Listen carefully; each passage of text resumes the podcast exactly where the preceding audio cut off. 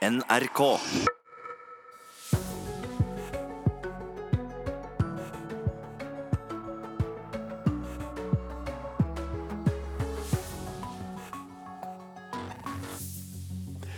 Nyhetsmorgen tar ikke fri i dag heller. Vi tar strengt tatt ikke fri noen normale virkedager, verken i sommer eller noen annen gang. Og i dag så begynner vi med disse sakene. Redningsdykkerne har startet den tredje store redningsoperasjonen i grottene i Thailand, der fem personer fortsatt er innesperret. Hjertestartere kan være forskjellen mellom liv og død, men altså, som du hørte i Dagsnytt, bare 15% av landets hjertestartere er registrert, og ambulansepersonal vet simpelthen ikke hvor de er. Og Det er stor usikkerhet om hva som nå skjer i Storbritannia, etter at to sentrale ministre trakk seg fra regjeringen i går.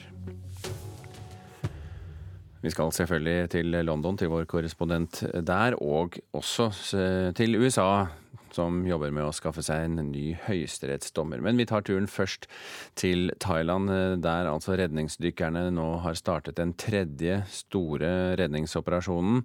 Fem personer er jo fortsatt innesperret i denne grotten. 19 personer er nå på vei innover, forteller lederen for redningsoperasjonen, og målet er da å hente ut de fem siste i én operasjon. Reporter Roger Severin Bruland, du er i like nærheten, så vidt jeg forstår. Hva vet du om dagens aksjon? Begynte for eh, to timer siden. Og det vi er litt usikre på, er om de vil hente ut alle fem, eller om de bare vil eh, hente ut fire. Problemet med å hente ut fem er at eh, de har laga en logistikk som er tilpassa fire personer, slik at hvis en eh, da skulle hente ut alle fem, så måtte en da endre litt i planlegginga. Så det vi lurer på nå, er om eh, de satser på å ta ut alle fem, eller om de, de bare tar ut fire. Guvernøren i går sa at eh, fire var et fint tall, og indikerte såleis at det var det som var det beste alternativet. Men nå har det begynt å regne, så det kan jo tyde på at en får litt mer hastverk enn det en hadde i går. Mm. Ja, hvordan er eh, været hos deg nå, Roger, og stemningen blant de folka i nærheten der? Ja, Det begynte jo å styrtregne for eh, tolv timer siden. Og det regna vel i hele natt. Nå har det begynt å avta litt. Vi har eh, nå eh, gått litt opp i åssida her og ser en hektisk aktivitet blant de som driver nå med arbeidet med å drenere vekk vannet fra det fjellet der grotta er. De driver og graver digre groper og, og legger drenrør for å hindre at de elvene som danner seg når det begynner å regne, ikke går rett inn i grotta, slik at vannstanden der øker på. Mm. Så Det har jo vært et, eh, et hektisk arbeid i dag for å å hindre. Samtidig så ser vi også en eh, veldig stor pumpeaktivitet eh, nedenfor grotta. Men Betyr det da også eh, at de rekker å få alle reddet ut uten bruk av denne ubåten da, som Elon Musk, denne Tesla-gründeren, har sendt av gårde til dem? Jeg tror ikke den ubåten er noe særlig praktisk. Det virker som at den har kommet altfor seint inn i bildet. Men Elon Musk fikk jo en tur å, å se litt inn i grotta og, og tvitre litt, men den vil nok ikke bli brukt. For nå har de laga seg et system med dykkere som er kanskje mer dynamisk enn det en, en sånn ubåt vil være. Nok et, eh, et PR-stunt fra Elon Musk, altså. Du, eh, Roger, det har jo kommet rapporter om at to av de guttene som er reddet ut, eh, har pådratt seg lungeinfeksjon. Vet du noe mer om tilstanden til de åtte gutta? Ja, Det som blir sagt er at de har veldig svekka immunforsvar. At de har fått lungebetennelse, noen av dem. Og at de er da sperra inne på en sånn smittevernavdeling, for en lurer på En vil sjekke hva slags bakterier de har fått i seg inn i den grotta. Jeg har jo sjøl vært inn i eh, en sånn grotte, og der er veldig mye flaggermus. Og, og flaggermus bærer jo, som vi vet, rabies, så de har også fått rabiesvaksine eh, for sikkerhets skyld. Men det, det som var sagt når de var henta ut eh, av grotta, så hadde de veldig lav kroppstemperatur. Og de hadde begynt å bli syke og få luftveisinfeksjoner. Okay. Roger, vi setter strek eh, for deg direkte fra Thailand i denne omgang. Vi gir oss ikke helt med tematikken, fordi eh, vi har med oss i studio i Bergen Kai Grieg, antropolog med lang fartstid eh, for FM-sambandet i Thailand. Velkommen til Nyhetsmorgen, Grieg. Takk skal du ha. God morgen. Denne redningsaksjonen som pågår nå, hvordan preger den samfunnet i Thailand? det er jo klart den preger det mye mer enn en her. Og dette er jo den store saken. Og Thailand er et veldig sammensatt land med ulike befolkningsgrupper, og dette binder dem sammen. Hva slags eh, styrker har dette landet med tanke på å, å, å materialisere ressurser til en slik situasjon? Ja, Thailand hadde jo et militærkupp for noen år siden så det er jo en, en, fantastisk seier for militæret. Vi ser jo i disse, det som skjer nå, at alle deler av militæret er inne. Så en styrke er jo at de, de viser at militæret virker. Og det er jo Vi må jo bare bøye oss i støvet for den fleksibiliteten og den måten de har fått til dette på. Så det er jo en, er en styrke, den eh, pragmatismen som de har, og, og den måten de er åpne for alle ideer som kommer utenfra. Men det er jo også et, et, relativt godt utdannet befolkning i Thailand, er det ikke det? Jo, og veldig raskt så endrer jo det seg til at det blir en uh, enda bedre utdannet befolkning. Mm. På hvilken måte da? Nei, Vi ser på dette området Alle de som er inne eh, som var innestengt i gåten, eh, var jo skoleelever. Og, og, Thailand har jo snudd i løpet av veldig kort tid med at folk kan lese og skrive. Eh, og det viktigste som Thailand gjør i disse grenseområdene. For vi må huske Thailand er et veldig sammensatt land med ulike etniske grupper. Og det viktigste Thailand gjør ute i grenseområdene, er å sette opp skoler og radiostasjoner for å binde folk sammen som thaier. Mm. Hvor viktig er denne eh, redningsaksjonen utover seg selv, hadde jeg nær sagt? Altså, hvor viktig er den for, eh, for landet? Når du leser på thailandske sider, så, så er det jo utrolig mye om symbolikken i dette. her. Sant? Det her er det et fjellfolk som stenges inne i et fjell. Eh, de har jo dette navnet med at de heter villsvin, som jo er folk som Eller dyr som er i, i jungelen i, skogen. Fotballaget, fotballaget, ikke sant? Ja. Mm. Og, og, eh, lederen er en elefant, og så kommer selene da opp fra sjøen inn i grotten og, og redder seg. Det er utrolig symboltungt. Og vi kan jo si at det er jo symboltungt for oss også, at dette viser Eh, en umulig sak som det, det, viser seg at det kan være mulig å, å, å gjøre noe med. Men Hva forteller det om regimet i Thailand at de har vært så eh, mottakelige for hjelp utenfra? Nei, Det er jo en av de store styrkene i Thailand, det at man, man eh, er åpen for uh, utlandet. Eh, man er høflig, man tar imot alle råd, og man, man har prøvd forskjellige eh, måter. Så for, for, å overføre det til norsk og verdenssammenheng, så viser jo dette at hvis du står overfor et umulig problem, så er det mulig å få det til, men du må prøve alle strategier samtidig.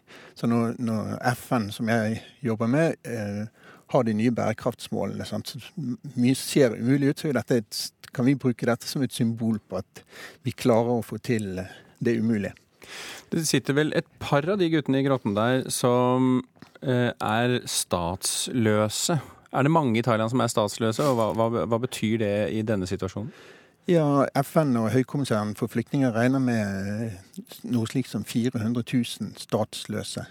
Eh, og det er jo en utrolig spennende del av dette. Fordi eh, på grenseområdet, altså disse motsetningene i landet sånn, Fjellfolkene er er ikke så populære. Eh, når vi eh, reiser til Thailand, så ser vi jo gjerne de som, som én menneskegruppe. Mens, eh, mens lokalbefolkningen vil jo se at dette er folk som kommer fra grenserådene, som ikke er ordentlige thaier. Men dette vil jo binde dem mye mer sammen som en, en, befolkning. Og Noe av det jeg er mest spent på, er jo hvordan de, de vil snakke om dette etterpå. Om de, om de snakker om alle som thaier, eh, selv om de ikke ikke alle de har thailandsk statsborgerskap. Eh, så de har på en måte en, han Adul, som, en, den, eh, som vi vet om ikke har statsborgerskap. Han som snakker engelsk av disse ja. barna. Det er jo veldig spennende å se hvordan han kommer til å bli omtalt. For han, han har altså ikke burmesisk statsborgerskap, han har ikke thailandsk statsborgerskap. Og kan så, sånn sett ikke reise. Eh, gifte seg, eller viktigst av alt, han kan ikke eie land i Thailand. Og jeg er veldig spent på hvordan jeg kommer til å omtale han videre om han de kommer til å anerkjenne han som en thai, og om han kommer til å ta imot dette. Vi får ikke noe svar på det her og nå, Kai Grieg, så vi setter strek der. Takk for at du var med oss i Nyhetsmorgen.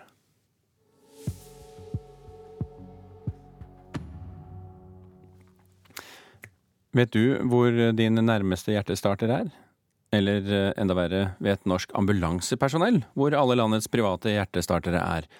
Svaret på det er nei. Ambulansepersonellet har bare oversikt over ca. 15% av landets hjertestartere, og nå ber lederen for Hjertestarterregisteret om hjelp til å få registrert alle. Det kan være forskjellen mellom liv og død, sier hun. Når jeg skrur ham på nå, så vil du høre at han forteller deg akkurat hva du skal gjøre. Voksen pasient, ring etter medisinsk hjelp. Ta klærne av pasientens bryst, slik at huden er bar. Lyden du hører er apparatet som er lagd for å redde liv. Hjertestarteren. De er jo merka av på kartet vårt. Eh, og vi tenker jo at de skal være så tilgjengelige som mulig. Sier Mari Thomassen. Hun er HMS-ansvarlig i Kristiansand dyrepark. Det er bare snakk om minutter. Hvert år dør mellom 3000 og 4000 nordmenn av hjertestans. Og når ulykka er et faktum, er det avgjørende å ha en hjertestarter i nærheten. Den har to elektroder og som du kobler på sånn at du kan gi et elektrisk støt gjennom hjertet. Det sier leder for det offentlige hjertestarterregisteret, Siv Lilly Åsmundsen. Hun anslår at det finnes mellom 30 og 50 000 hjertestartere i Norge i dag. Syv av disse befinner seg i Kristiansand dyrepark. De er registrert i det nasjonale hjertestarterregisteret, men der mangler det fortsatt mange av landets hjertestartere. Vi anslår jo bare, vi vet jo ikke hvor mange hjertestartere som er der ute, men vi har kanskje 15 da, av de som er tilgjengelig. At så få hjertestartere er registrert kan få store konsekvenser, mener Åsmundsen. Hvert minutt som går, så er det avgjørende for overlevelsen. Så jo tidligere man kan få den hjertestarteren til pasienten, jo bedre. da. Så hvis man registrerer sin hjertestarter, så kan jo 113 henvise til den. Er ikke hjertestarteren registrert i registeret, kan heller ikke alarmsentralen se den på kartet ved en ulykke. Det tar en to-tre minutter å legge inn de nødvendige opplysningene, og så er man da med på å øke overlevelsen i Norge. Jeg har ikke sett at de er her, da. I Dyreparken i Kristiansand prøver Maiken Lønøy og Nina Kårtveit å finne hjertestarterne på kartet over parken. De mener det er viktig å vite hvor apparatene er. Kjempeviktig i tilfelle det skulle skje noe, kanskje noen rundt deg, så du vet eventuelt hvor du skal hente hjelp. Absolutt. Ja. En hjertestarter vil gi informasjon underveis om hvordan du skal gjennomføre førstehjelpen. I Dyreparken har de gjort den ekstra lett å bruke. Sånn som vi har gjort det hos oss, så har vi også ved siden av hjertestarterne hengt opp eh, plakater med enkle bilder og forklaringer som kommer fra Røde Kors Førstehjelp, med hvordan de skal ta den i bruk og hvordan de skal drive hjerte-lungeredning. For dette skal jo brukes sammen med hjerte-lungeredning. Jeg hadde vært litt sånn usikker på hva jeg skulle gjort. Men som hun sier at det er lett å følge en bruksanvisning. Ja, hvis det var det jeg måtte gjøre, så tror jeg faktisk jeg hadde gjort det. Ja. Reportere her, det var Lars Hægeland og Kjartan Røslett.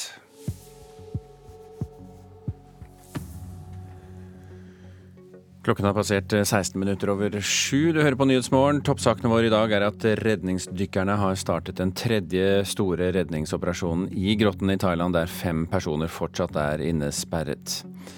Det er eh, stor usikkerhet om hva som skjer i Storbritannia etter at to sentrale ministre trakk seg fra regjeringen i går. Det skal du straks få høre mer om. Og så har Donald Trump nominert en ny høyesterettsdommer i eh, USA. Nå gjenstår eh, høringen i Senatet. Vi skal til eh, Storbritannia nå, der det er politiske tumulter, hvis vi kan kalle det det, etter at brexit-minister David Davis og utenriksminister Boris Johnson begge trakk seg fra jobben i går. De sa at de var misfornøyd med brexit-planen til statsminister Theresa May. Eh, Øyvind Uborg, korrespondent i London. Det, gikk rykter om at utbytterne skulle ha et møte i går kveld. Ble det noe av, og hva kom ut av det i så fall? Jo da, eh, det ble eh, et møte i går. Og eh, jeg vil bare si at vi er ikke inne i det vi kan kalle et politisk tumulteri, men en politisk thriller her i Storbritannia. Denne gruppen av konservative de trenger bare 48 underskrifter for å forlange et mistillitsforslag mot Theresa May, og de sier at det kan de skaffe om på bare to minutter. Men så langt ser det ut til at eh, det ikke blir et så dramatisk eh, utfall. Men det blir lagt merke til at utenriksminister Boris Johnson mener at brexit-drømmen nå er døende. Han mener at Storbritannia kan komme til å bli en koloni i EU med den planen man, som ligger på bordet nå. Men ikke bare det, han mener at May har forrådt velgerne. Og det kan være starten på et politisk mord på May på sikt. Ja, hvordan er styrkeforholdet mellom May sin eh, litt mer EU-vennlige eh, EU-vennlige e gruppe og, og de andre konservative hardlinerne? Ja, Det er jo en politisk eh, dragkamp da, man har hatt i Storbritannia i iallfall 40 år, og som hele tiden har ligget der for og, eh, og truet med eh, at det konservative partiet nærmest skal bryte sammen. Det vi er inne i nå, er en politisk krise som ikke har vært større siden det famøse valgnederlaget i fjor, da de konservative mistet sitt flertall i Underhuset. Eh, men May hun har jo vist at hun har ni liv som statsminister, og vil muligens også stå det av denne gangen også. Eh, det er nemlig ikke særlig fristende å ta over jobben hennes som eh, partileder eller statsminister nå, fordi man har ikke en brexit-avtale i havn, og, innspurten nå blir veldig mange. og en, en, veldig vanskelig innspurt. Så mange spår at hun, hun, blir sittende i hvert fall fram til brexit er et faktum neste år, og kanskje også helt til valget i 2020. Alternativet er en Labour-regjering, eh, advarer May. Ja, eh, det er det vel ikke så mange i det konservative partiet som, som, ønsker. Men er det hennes sterke kort, det at eh, det er ingen som egentlig ønsker å overta i dagens situasjon? Ja, Det er vel det som til eh, syvende og sist har eh, reddet henne hele veien. Men eh, det er klart at det som skjer nå, er jo at hun har nå tenkt å, å, samle en ny regjering. En ny regjering som betyr, innebærer at både statsministeren, finansministeren, utenriksministeren og, og for så vidt justisministeren er, er Eh, alle sammen eh, personer som stemte for at Storbritannia skulle forbli i EU. og Det er jo en ny retning for, eh, for regjeringen. Vi har altså den nye brexit-ministeren med navn Dominic Raab og den nye uten, utenriksministeren Jeremy Hunt. Kan du si litt kort til slutt, Øyvind, noe om disse to personene? Uh, ja, de er begge to uh, litt i starten av 40-årene. Jeremy Hunt er kanskje mest kjent for uh, den viktige posten som helseminister. Og han har hatt den de siste seks årene. Han som sagt mente at Storbritannia burde forbli i EU under folkeavstemningen for to år siden. Han har senere skiftet side, som jo andre også har gjort. Dominic Raab har arbeidet med disse brexit-spørsmålene en god stund og bør være godt inni det. Ok, vi tar og setter strek der, Øyvind, i denne omgang i hvert fall. Og så snakker vi helt sikkert mer om det etter hvert. Vi skal eh, derimot til USA nå, der presidenten i natt eh, nominerte den 53 år gamle Brett Kavanaugh til ny høyesterettsdommer. Kavanaugh er ikke den aller mest konservative av finalistene Trump hadde på sin liste, men han vil likevel sørge for at Høyesterett får et mer konservativt eh, flertall enn det har i dag. Kritikerne har dessuten bitt seg merke i artikler han har skrevet om hvilke immunitet en president har mot etterforskning. A judge must be independent and must interpret the law, not make the law. En dommer må være uavhengig. En dommer skal tolke loven, ikke lage den, sa Brett Kavanaugh da han takket president Trump for tilliten i natt. It is my honor and privilege to announce that I will nominate Judge Brett Kavanaugh den 53 år gamle dommeren fra den amerikanske hovedstaden er imidlertid langt mer konservativ enn høyesterettsdommeren han en gang jobbet for, Anthony Kennedy, som han nå overtar jobben til. Trump valgte imidlertid ikke den mest konservative av de fire finalistene han hadde plukket ut. Kavanaugh har bl.a. ikke uttrykt at han er direkte motstander av høyesterettsdommen fra 1973 som gjorde abort lovlig i USA. Trump trenger alle senatorene fra sitt eget parti for å få Kavanaugh godkjent. I would not support a nominee who demonstrated hostility to Roe v. Wade. Senator Susan Collins har gitt klar beskjed om at hun ikke vil stemme for en høyesterettsdommer som vil fjerne abortloven. Og det kan være en av årsakene til at Kavanaugh ble valgt. Brett Kavanaugh jobbet i Det hvite hus da George W. Bush var president, og beskrives som en som kjenner den amerikanske hovedstaden godt. Kritikere med demokratiske senatorer i spissen mener Trump valgte ham fordi han har skrevet juridiske artikler om at presidenten i USA kanskje ikke bør etterforskes, avhøres eller straffeforfølges. Trump står midt oppe i etterforskningen av hvilken rolle Russland spilte før valget i 2016. Det er sannsynlig at Kavanaugh vil bli godkjent og Høyesterett får dermed nok en ung dommer som kan bli sittende i flere tiår, og bidra til at USAs høyeste domstol har et konservativt flertall. Kavanaugh er også kjent for å være tilhenger av retten til å bære våpen, og for å ha stemt i favør av store selskaper i flere saker. Tove Bjørgaas, Washington. Og så et lite blikk på det som skjedde i verden mens du sov.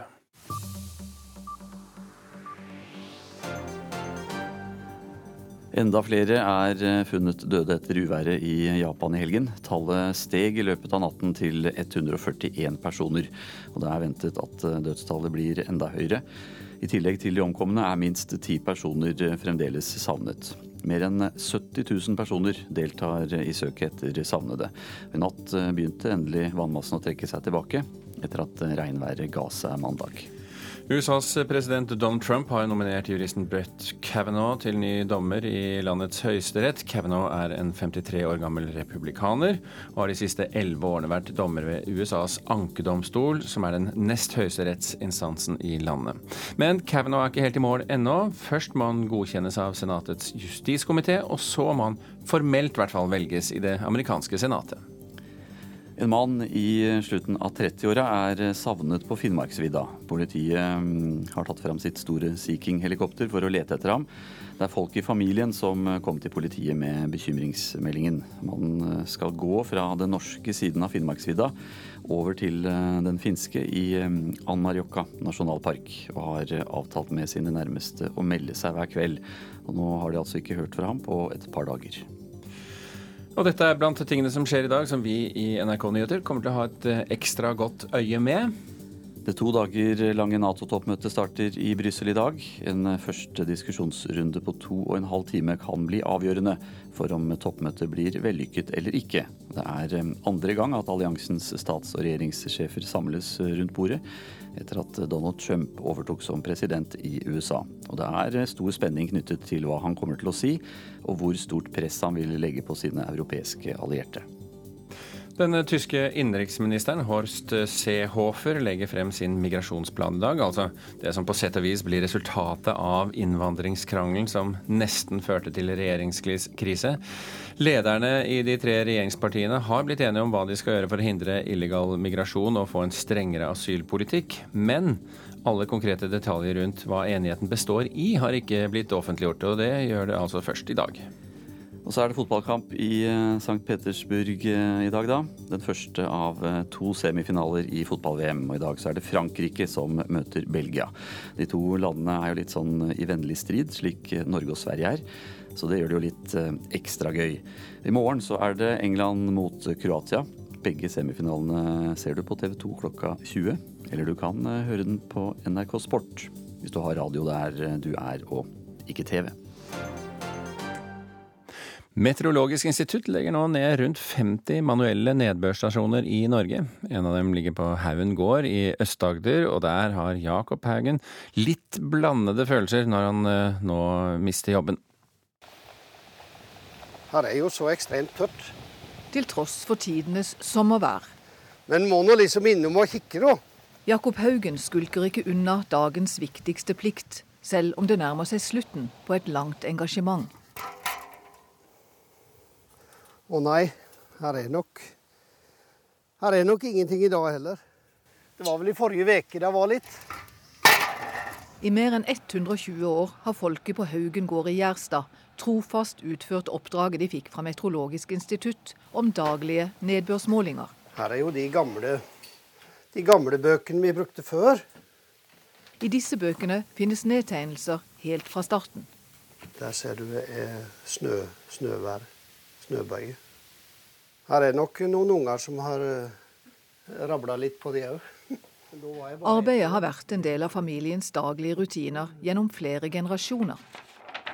Ja, Det blir like naturlig som å ta seg en dusj på morgenen. holdt på seg. Så ta en vannmålinga og ete brødskiva og drikke kaffe i koppen.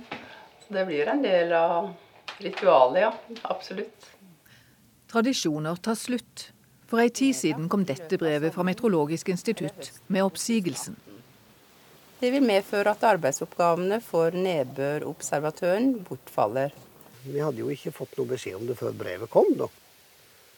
Og det var nå greit nok, men uh, det blir jo litt rart. Om han kjenner at han blir lei seg? Kanskje. Litt. Det har jo vært her i over 100 år. Det er et stykke værhistorie som tar slutt. Det er den som vi har på jordet om vinteren. Denne målestaven har opplevd mang en snørekord. Der er to meter. Men uh, det har jo som sagt vært 2,56 på det meste som vi har målt her. Da. Det er ikke bare trist å tenke på en vinter hvor det ikke er nødvendig å bakse seg ut i snøføyka. Man må stølpe seg ut i nysnøen for å komme bort til vannmåleren. Det kan jo være litt, uh, litt stritt ja innimellom. Men jeg har jo ikke noe valg. Eller jeg har ikke hatt noe valg, iallfall. Nei, så det det kan jo bli godt å slippe, egentlig. Mm. I september er en epoke over for folket på Haugen gård. Reporter her, det var Hilde Skarvøy Gjestland. Og nå ser jeg for meg at du lurer på hvem som er gjest i dagens Sommer i P2. Det skal du få vite nå. Sommer i P2. God sommer i P2. Jeg heter Elin Ørjasæter og er redaktør i en nettavis som heter Arbeidsnytt. Jeg liker ikke å reise utenlands, jeg, sier jeg og folk ser dumt på meg og tror det er en spøk. Det går da ikke an å ikke like å reise. Men jeg elsker å reise i mitt eget land. Sommer i P2. I dag klokka ni.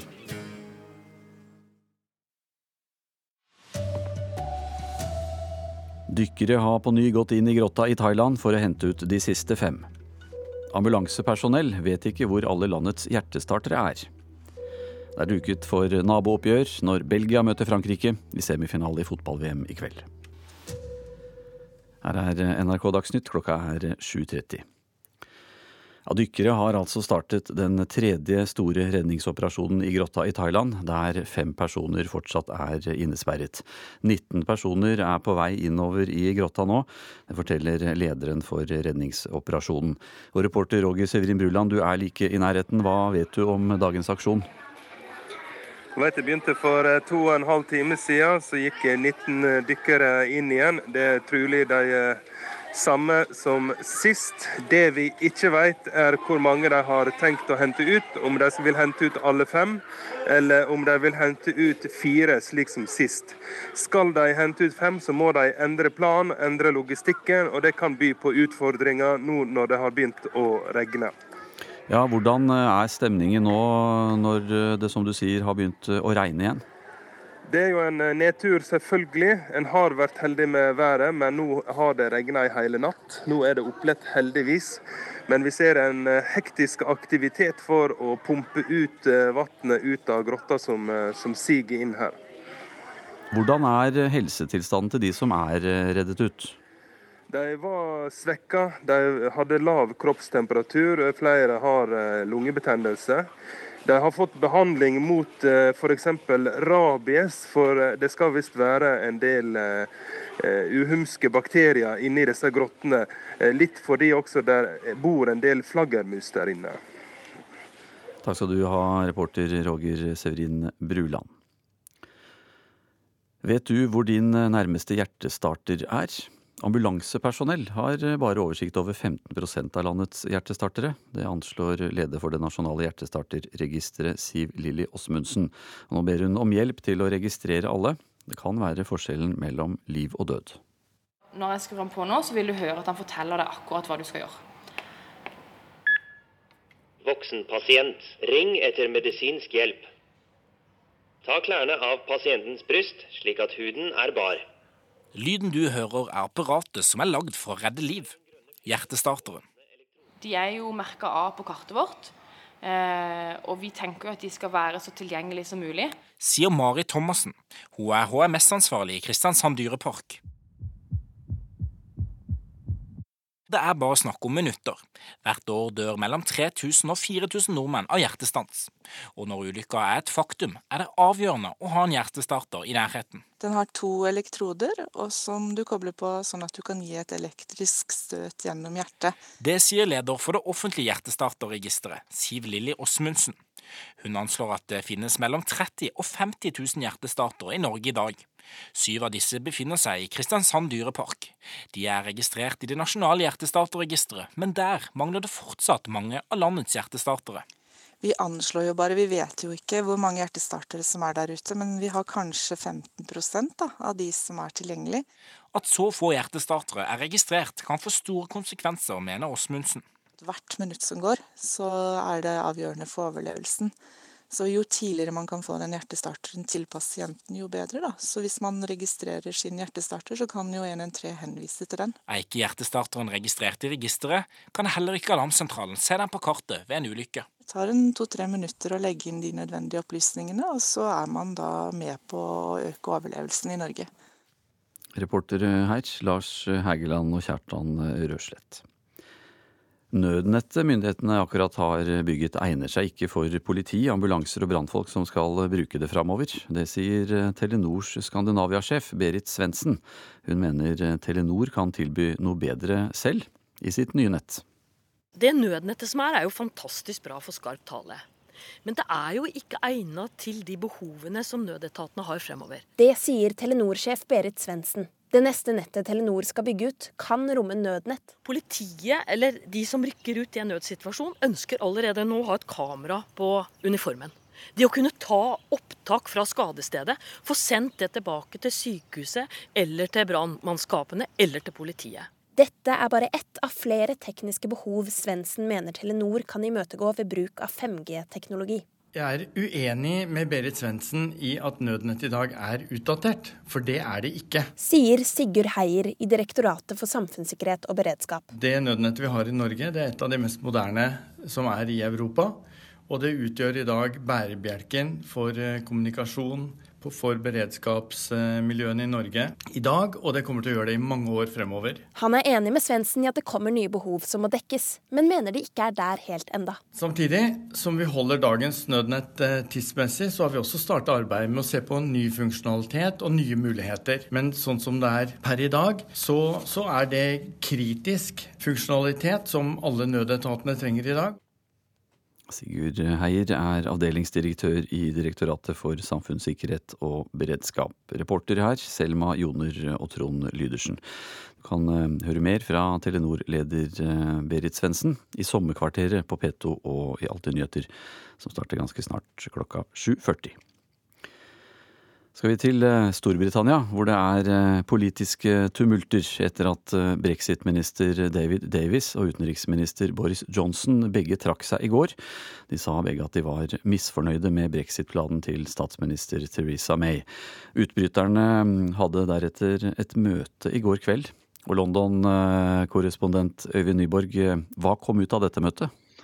At det er en avventende holdning til den politiske thrilleren vi er eh, inne i nå. De trenger bare å, å, samle 48 underskrifter, og det kan de gjøre på to minutter, sier de, før de forlanger et mistillitsforslag mot Theresa May. Men eh, så langt har de ikke fått et så dramatisk utfall.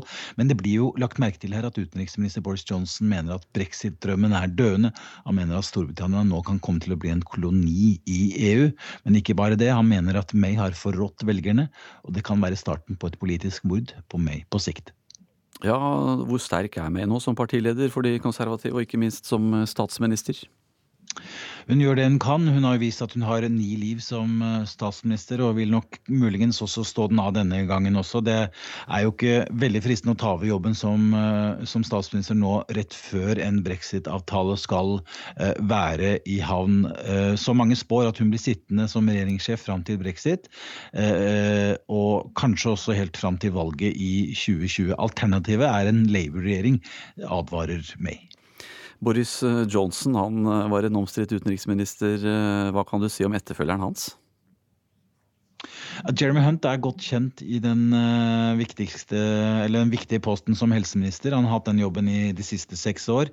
Han var også en av de som mente at Storbritannia burde forbli i EU under folkeavstemningen for to år siden. Han har senere skiftet side. Uh, Dominic Rau har arbeidet uh, med brexit-spørsmål en god stund nå, bør være godt inn i det. Men gårsdagens utnevnelse betyr nå at både statsminister, finansminister, utenriksminister og innenriksminister alle sammen stemte for at Storbritannia skulle forbli i EU. Så får vi se hva det får å si. Takk skal du ha, korrespondent Øyvind Nyborg. Belgia møter Frankrike til semifinale i fotball-VM i kveld. En kamp som blir eh, helt spesiell for en helt spesiell franskmann. Så kommer Henri, og det er nydelig gjort av Henri, og der er det 3-0! Nei, jo, det er det! 3-0 til Frankrike. Er du fotballinteressert, så har du hørt det mange ganger før. Thierry Henry er den mestskårende franskmannen i historien med 51 mål på landslaget. Han har vunnet både verdensmesterskapet og europamesterskapet med sitt kjære Le Bleu men i kveld så er han bak eh, fiendens linjer på Belgias trenerbenk. Jeg skulle ønske Henry var på vår side og ga meg og de andre franske spissene råd. Det sier Frankrikes stjernespiss eh, Olivier Giroud, for eh, Henry har fått mye av æren for Belgiaspiss Romelu Lukakus fantastiske VM. Der kommer Munier foran det til Lukaku, så hopper opp, og Chadi skårer! Har du sett på maken? Overhoppet i sluttsekundet mot Japan fikk mange til å tenke tilbake på Henris storhetstid. Hvis Henri ikke vet hvordan man skårer mål, så er det ingen som vet det. Og, um, og visstnok så skal han ha hjulpet ganske mye med, med løp, med, med, den strategiske delen av spillet, eh, teknikk på hvordan man avslutter osv. Og, og Lukaku er også en av de som har, sier at uh, Henri har liksom lært meg mye. da sa til slutt NRKs fotballskribent eh, Tore Haugstad. Reporter Sondre Myhre. Kampen mellom Belgia og Frankrike den uh, hører du på NRK Sport fra klokka 19.30 i kveld. Du kan også se kampen på TV 2. Ansvarlig for NRK Dagsnytt i dag, Marianne Løkkevik Ekeberg. Jeg heter eh, Anders Borgen Werring.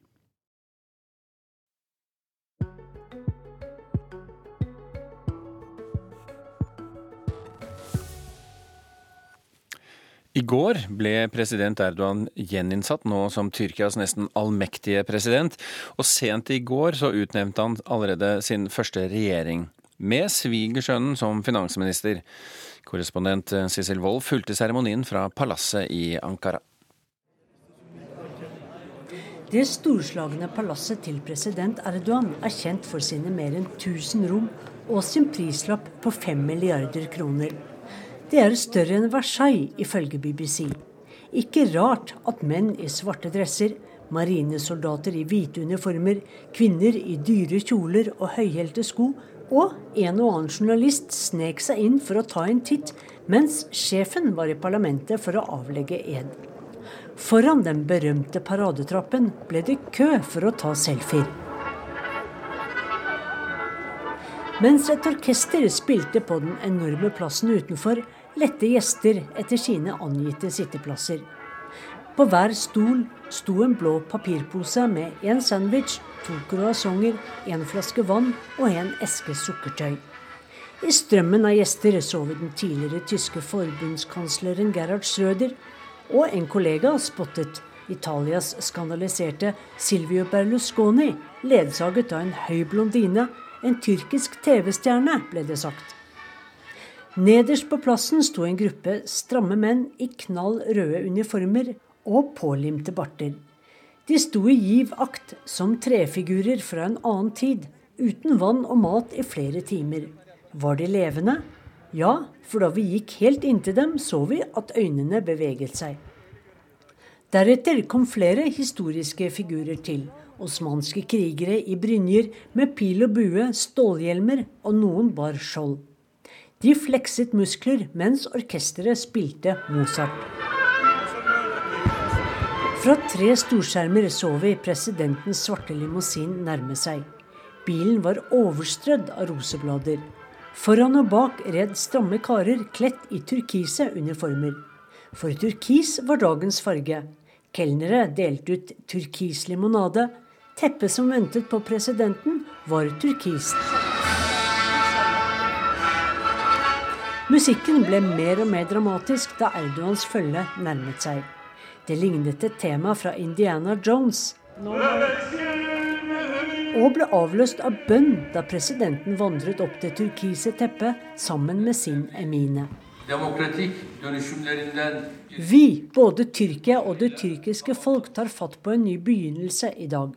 Vi legger bak oss et system som har kostet landet vårt dyrt i form av politisk og økonomisk kaos. Men nå skal Tyrkia bli sterkt igjen, var den nyinnsatte presidentens budskap. Klokken halv elleve i går kveld offentliggjorde Erdogan sin nye regjering for pressekorpset.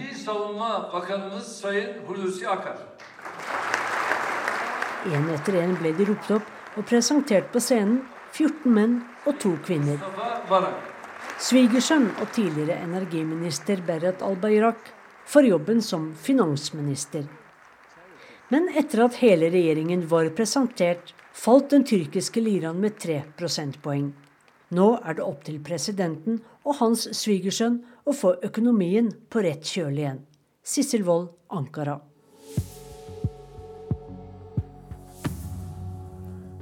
Straks eh, Telenor-sjefen i dagens sommerkvarter, men la oss bare minne om hva som er de store sakene i dagens utgave av Nyhetsmorgen. Redningsdykkerne har startet den tredje store redningsoperasjonen i grotten i Thailand, der fem personer fortsatt er innesperret. Kanskje kommer alle fem ut, kanskje tar de bare fire først. Hjertestartere kan være forskjellen på liv og død, men bare 15% av landets hjertestartere er registrert. Ambulansepersonell vet simpelthen ikke hvor resten av dem er. Og det er stor usikkerhet om hva som nå skjer i Storbritannia etter at to sentrale ministre trakk seg fra regjeringen i går.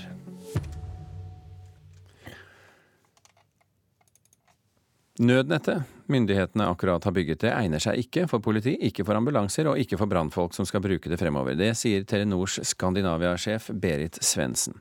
Hun mener at hun kan tilby noe mye bedre selv i sitt nye nett. Berit Svendsen er dagens gjest i Sommerkvarteret.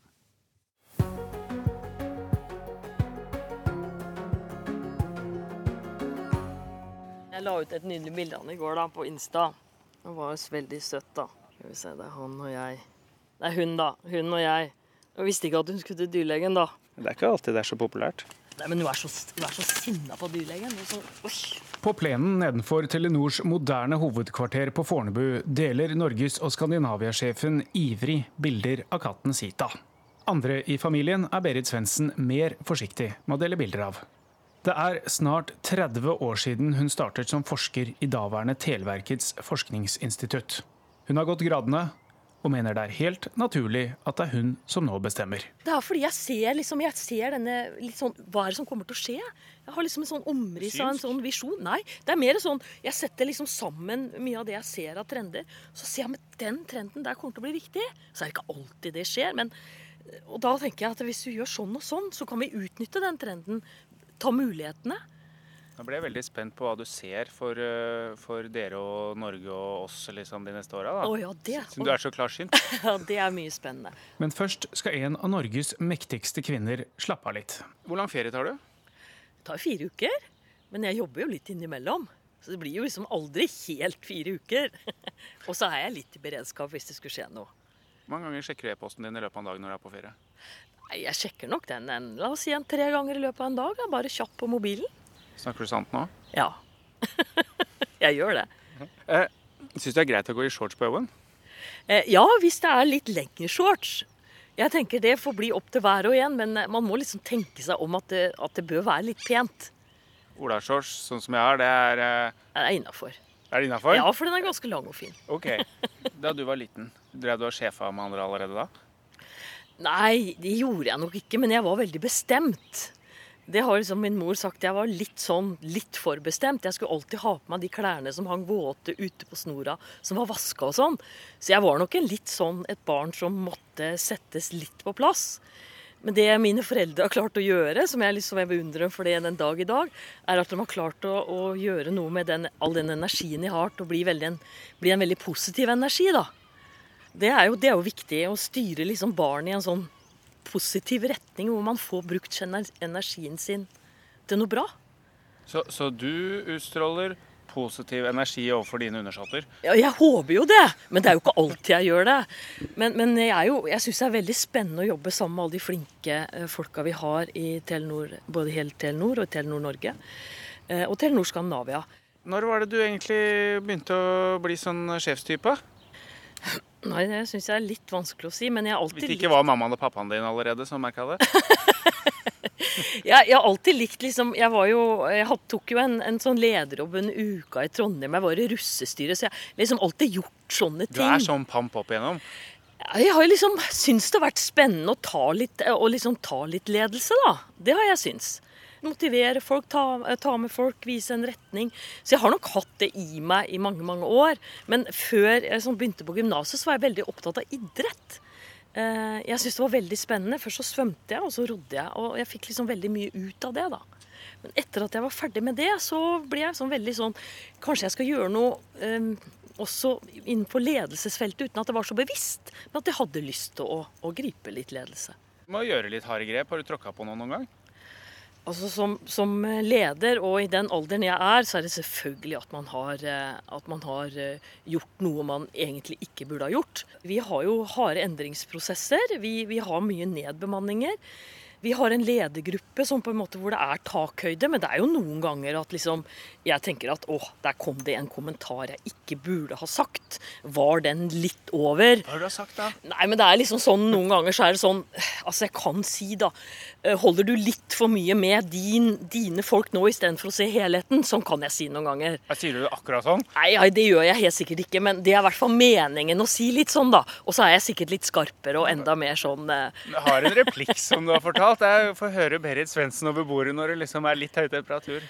Da er jeg ganske fast og bestemt. Eh, jeg hever ikke stemmen noe særlig, men jeg kjenner at liksom Nå sier jeg altså Hvis vi har veldig mye diskusjoner I går hadde vi diskusjoner. Jeg kan jo si hva det er, for vi skal ut nå med et erstatningsprodukt. For vi kommer jo til å fase ut eh, fastnettet vårt, som det er mye, mange kunder har glede av å ha bredbånd på, og fasttelefoni. Fasttelefoni har vi jo en fantastisk eh, mulighet til å bruke mobilen isteden. Eh, og det gjør vi også nå muligheter med eh, på fast bredbånd. Istedenfor å ha kobbernettet, så lager vi et produkt på mobil. Eh, og Der hadde vi en prisdiskusjon, og da blir det veldig sånn, litt sånn fronter med at noen holder med liksom, ja, det fastnett skal gjøre det sånn, og mobilsiden skal gjøre det sånn, for det er forskjellig forretningslogikk. Og da, da på slutten av den diskusjonen så vet jeg at jeg må skjære igjennom. Og da, det gjør jeg. Få høre replikken. ja, da sier jeg at eh, nå har jeg hørt på diskusjonen. Det har vært en fantastisk diskusjon. Alle har sagt veldig mye riktig. Eh, og nå er det min jobb å konkludere, og da konkluderer jeg. Og det blir ganske stille etterpå, og det blir bra. Er du leder på hjemmebane, eller? altså, jeg opplever at jeg har en mann som er litt leder òg, jeg. Ja. Så han tar mye ledelse. Det, det, er sånn mannlige ledere pleier å si det. Kona bestemmer hjemme. Jeg tror vi bestemmer innenfor hvert vårt område, liksom. Ja. At vi bestemmer liksom på, på litt hver vår måte. Og så er det ofte det at de spør begge to. Har du bestemt to, hvilken måte, eller? Nei, men det er ofte sånn at eh, de kommer og spør meg etter å ha spurt eh, mannen min. Og da er det sånn så spør jeg har dere spurt mannen min eller Erik nå. Har spurt pappa nå? Ja. Hva sa han da? Da han sa det motsatte av deg. Da har vi et problem. Ikke sant? Hva skjer da? da får de ikke lov. For det må jo være regelen. ja, Hvis du sier nei? Ja, men da må jo han også si nei. Nettopp. I kablene og fra mobilmastene Berit Svendsen nå regjerer over, strømmer det ikke bare gode tanker. Nettet kan også misbrukes. Så jeg lærer mine barn at man skal være veldig, veldig obs på hva man legger ut. Man skal kun legge ut ting som man ønsker man Eller på en måte man ønsker man kan være bekjent av. Hvor gamle er de? De er 12 og 14 eh, og 12. Midt i den fæle alderen? Ja, ja de, altså, de, elsker jo nettet. ikke sant? De elsker jo alt som ligger der ute. De elsker Musically, og de er på Snap og overalt. Men jeg legger aldri ut bilder av mine barn sammen med meg. Det er en regel jeg har hatt hele tiden. For det er opp til dem. Jeg tror noen ganger kunne de ønske at jeg legger ut bilder av dem, men det er mitt prinsipp. Det gjør jeg ikke. Jeg ønsker ikke at det skal gjøres. Jeg ønsker ikke at de på en måte skal være synlige der ute på nettet. Det er noe, et standpunkt de må ta selv, og jeg sier det er ikke noe vits i å, være, å gjøre det før at liksom dere føler at det kan uh, være en positivitet med det. Og jeg har vært veldig tydelig på barna hvis de kommer inn på sånne chat-linker på nettet, hvor det er noen som melder seg som sier de heter Kåre og er uh, 15 år og har en kjempefin kropp, så har jeg sagt til min datter ø, ø, bare fortell at du heter Sofie og bor på Østlandet. Gi aldri opp hele navnet ditt, hele adressen, ingenting. Og det lærer de heldigvis også på skolen, men å innprente barn med dette, og ungdom, det er så viktig. Og det å legge ut bilder av seg selv Man må tenke på at de blir liggende der de neste 100 årene. For det er ikke sikkert ikke så enkelt å slette alt heller, når vi faller fra. Og det å ha bilder av seg selv der ute når man kommer i en jobbsituasjon, og ønsker å søke en jobb, eller ønsker å gå inn på et spesielt yrke, det kan sette en stopper for videre karriere. Hva du tenker litt som eh, mamma også i forhold til den kulturen hvor det er en sånn voldsom kamp om å synes blant de unge, og at det tilrettelegges som for det? Ja, altså, det, det der er en vanskelig avveining hele tiden. For det er jo eh, Altså, det var jo sånn før òg. Det var jo liksom viktig å være likt i skolegården. Det har jo alltid vært viktig når man er barn og unge, at man, eller barn og ung, at man har venner, og at man liksom blir satt pris på. Og Før så var jo det det samme som å få tommelen opp. Mm. Mens nå er det i mye mye større forstand at man gjør det på nettet. Og det er jo ikke bare de som kjenner igjen, men det er også alle mulige andre. Så jeg syns det, det, er en vanskelig avveining. Og så må man på en måte også akseptere at barna er på nettet. Man må Heller... Det er ikke noe kur for det? altså. Det er ikke noe, du ser ikke noe mulighet til å gjøre noe som stopper det? Nei, ja, Men vi må lære opp barna våre. Vi må lære dem opp i å klare å håndtere sosiale medier på en positiv måte. For det er altså en kjempemulighet å komme ut med sine meninger. Det er en kjempemulighet til å påvirke, hvis man ønsker det i en eller annen retning. Til å fortelle hva man mener er riktig. Så altså, Man må jo se dette som en altså Jeg ser hele nettet som en fantastisk mulighet også. Men man må fortelle om fallgruvene. Og som foreldre så er det oppgave nummer én. Og spesielt når vi går inn i sommermåneden. Og jeg ser mine barn nå. Nå får de ikke nok av mobilen. Noen av de tingene dere, dere gjør, det får jo noen konsekvenser. Og nå fikk dere jo en eh, Dere fikk en ganske svær bot. Ja. Vi kaller det et gebyr på 788 millioner kroner. Konkurransetilsynet mente hun og Telenor hadde forsøkt å forhindre en konkurrent i å bygge opp et tredje mobilnett, som kunne gitt mer konkurranse og lavere priser i Norge. Vi er jo ikke enig i Konkurransetilsynets eh, avgjørelse i den saken. Slik vi skjønner den saken, så sier Konkurransetilsynet at vi hadde som intensjon å stoppe utbyggingen som Network Norway eh, foretok da i årene fra 2010 og fremover. De begynte før det også. Men at det faktisk ikke skjedde. Så vi har fått en, et gebyr på at vi hadde en intensjon som ikke skjedde. Og saken er jo veldig unik, sånn som vi ser det. Det er jo første gang i historien at noen har fått et sånt gebyr for noe som ikke har skjedd. Så vi går nå gjennom hele eh, denne begrunnelsen og ser om det stemmer med det varselet vi fikk i 2016. Og så vil vi eh, vurdere hva vi gjør. Men det er stor sannsynlighet for at vi vil anke den saken. Så hvis det ser ut sånn som nå, så kommer det til anke? Ja, hvis ikke vi ser noe nytt som har kommet inn i forhold til varselet, fra 2016, så kommer vi til å anke den saken. Når blir den anka da? Den blir anka seks måneder etter at vi fikk gebyret. Og det er da i slutten av desember. Dere skal ikke bare, bare krangle om snøen fra i fjor, for dere skal jo bygge litt nett nå også? Ikke bare litt heller. Litt masse? Og vi bygger jo vanvittig nett i Norge.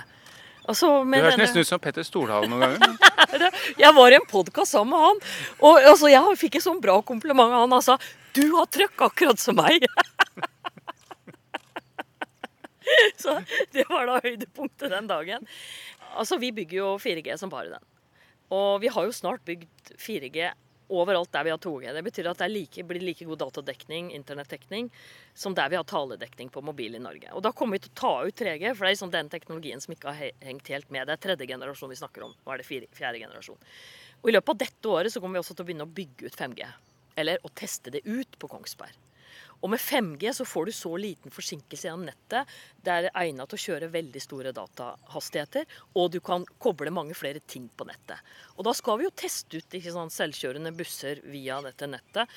Jeg håper at vi får testa ut en selvkjørende snøplog også. Den kjører jo nå rundt på flyplasser i Norge, da om vinteren da, fortrinnsvis.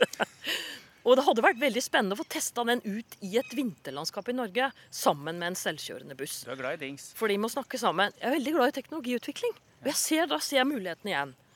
Og så har vi tenkt å teste ut kommunikasjon mellom sykehuset på Kongsberg og sykehuset i Oslo.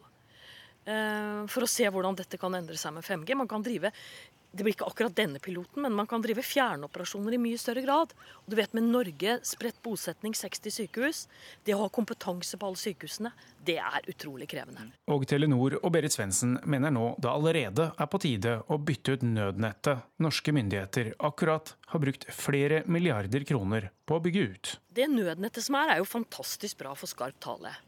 Men det er jo ikke egnet til de behovene som nødetatene har fremover. Politiet, eller de som rykker ut i en nødsituasjon, ønsker allerede nå å ha et kamera på uniformen. Det å kunne ta opptak fra skadestedet, få sendt det tilbake til sykehuset eller til brannmannskapene eller til politiet. Politiet ønsker å bruke droner når de overvåker et, et, skadested. De bildene må sendes tilbake til politiet. Når branndykkere kommer til et, eh, et, sted hvor det er brann, så får de på seg sånne masker med, um, med virtuell reality, sånn at de klarer å se hva som skjer inne i bygget før de går inn. Og det kan dere levere? Altså, Dette blir jo på toppen av det vi leverer, men vi må sørge for at det går veldig mye kommunikasjon mellom skadestedet og til nødetatene. Sånn at ikke bare de som er på stedet, men også de som sitter og dirigerer hele operasjonen, får den samme informasjonen. Så dagens nødnett er egentlig utdatert? Det egner seg for skarp tale, men det egner seg ikke for de behovene som kommer fremover. Vi snakka litt om, eh, om sommerferien. Hvor er det du drar av? En uke til Spania, til Costa Brava. Eh, hvor vi er og hvor vi tilbringer en uke av sommerferien hvert eneste år. Og da skal vi spise masse deilig sjømat. Og selvfølgelig også drikke litt cava. Det gjelder mannen min og jeg, det er da ikke barna. da er du ikke i beredskap? Nei, ikke så mye beredskap. Og så eh, skal jeg jobbe i en og en halv uke igjen. Og så reiser jeg på hytta på Hvaler. Og da reiser du hjem på en måte? Eh, da reiser jeg hjem, ja. For jeg er fra Kråkerøy. God sommer. God sommer. De som uh, hilste hverandre god sommer, det var Trond Lydersen, vår reporter. Han snakket med Berit Svendsen i Telenor i dagens Sommerkvarter. Turistnæringen i Rogaland er veldig spent på en spesiell ting, og sikkert noen vanlige nordmenn også. Hvor mange sekunder i den nye Mission Impossible-filmen er med fra Norge? Vi får svaret etter Dagsnytt.